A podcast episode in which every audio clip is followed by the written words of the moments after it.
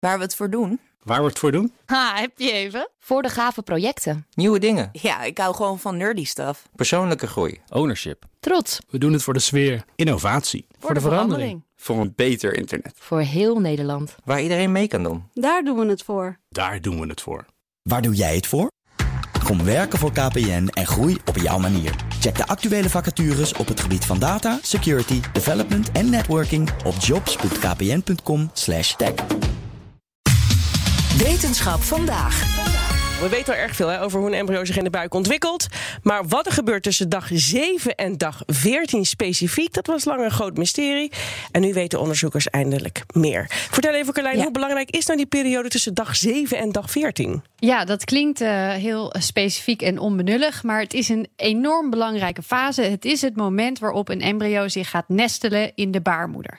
En luister meteen even mee naar professor Magdalena Zernica Goets van de Universiteit van Cambridge. Zij doet al jaren onderzoek naar de ontwikkeling van embryo's en is hoofdonderzoeker in deze nieuwe studie. Ze vertelt met een spannend muziekje erbij waarom we nou juist over dit stukje van embryogroei meer willen weten. When I teach my students on the course, I often teach uh, them with my colleagues who teach them about fruit flies or frogs. And this is unbelievable how much more we know about these other model systems. And students are often shocked how very little we know about ourselves and our own first steps in life. So that's one reason, just curiosity.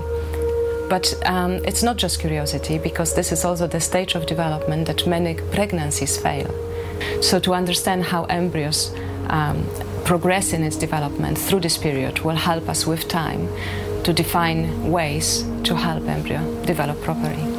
Even, even hoor, even los van de inhoud. Ik wil dat zeggen. Ja, Dat muziekje mag voor mij altijd onder een ik, ik word daar zo Zit rustig van. in? Ja, fantastisch. We hadden allebei exact hetzelfde gedacht. Geeft ze ook mindfulness trainingen, Carlijn, deze dame? Ja. Nou, het is echt een indrukwekkende vrouw eh, Nou. om naar te luisteren. Dus ze zou dat wel moeten gaan doen. Maar goed, doe het. Ik zou er podcastserie meteen gaan luisteren. Doe het vanaf nu bij alle wetenschappers die je interviewt. Zet er maar gewoon een dat onder. is Maar goed, terug naar de inhoud. Passend bij het onderwerp. Ja. Juist, volgens mij zei ze, het gaat in die periode dus tussen 7 en 14 dagen mis. Vaak. Ja, het gaat eh, het misgaan van dit deel van de ontwikkeling van een embryo in, de- in die tweede week dus is een van de hoofdoorzaken van vroeg zwangerschapsverlies. Dus weten wat er nou exact gebeurt kan helpen om in de toekomst te voorkomen dat een zwangerschap in die periode vroegtijdig afgebroken wordt. Maar waarom wisten we over dit stukje van ontwikkeling nog zo weinig? Nou, het gedeelte hiervoor, eh, voordat de, eh, de groeiende embryo zich nestelt in de baarmoeder, dat is uitvoerig in het lab bestudeerd. Het laten groeien van een embryo buiten de baarmoeder lukt al heel lang, maar lukte niet langer dan tot en met die dag 7, waarop het embryo zich dus moet nestelen om te overleven en door te ontwikkelen. Het lukte niet om dat in een schaaltje in het lab na te bootsen. Maar het is ook niet iets wat je even in een baarmoeder kunt gaan bestuderen terwijl het gebeurt. Eh, nou werkt eh Zernica goed al lange tijd aan het ontwikkelen van een techniek waarmee embryo's wel in deze periode buiten het lichaam bestudeerd kunnen worden. Dat lukte ze in 2016. Dat was toen gigantisch nieuws. Ineens konden embryo's tot en met dag 13, 14 bestudeerd worden in het lab. Hoe lukte ze dat dan?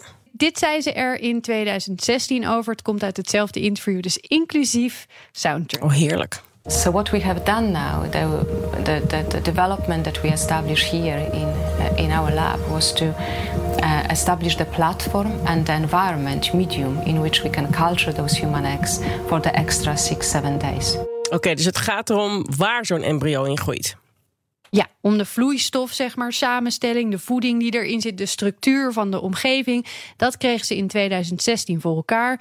Vervolgens zijn ze die embryo's gaan filmen op heel klein detail. Konden ze een heleboel interessante dingen al aan zien. Maar inmiddels is het in samenwerking met een ander onderzoeksinstituut gelukt om nog verder in te zoomen en te kijken wat gebeurt er nou op celniveau. En wat zagen ze toen? Ze zagen dat een groep eh, cellen die buiten het embryo zitten, genaamd hypoblast, een seintje geven aan de cellen in het embryo dat ze moesten beginnen met het ontwikkelen van de head-to-tail body axis. Juist. Dat is eh, het moment waarop de symmetrische vorm van het embryo verdwijnt en één kant zich gaat richten op het vormen van de kop, zeg maar, Oh ja. en de andere kant zich richt op het vormen van de staart. Wauw. En, en spelen genen hier ook een rol bij? Ja, zeker. Die, eh, die sturen namelijk aan of en hoe zo'n groep cellen dat seintje geeft aan andere cellen. En of en hoe die daar dan weer op reageren.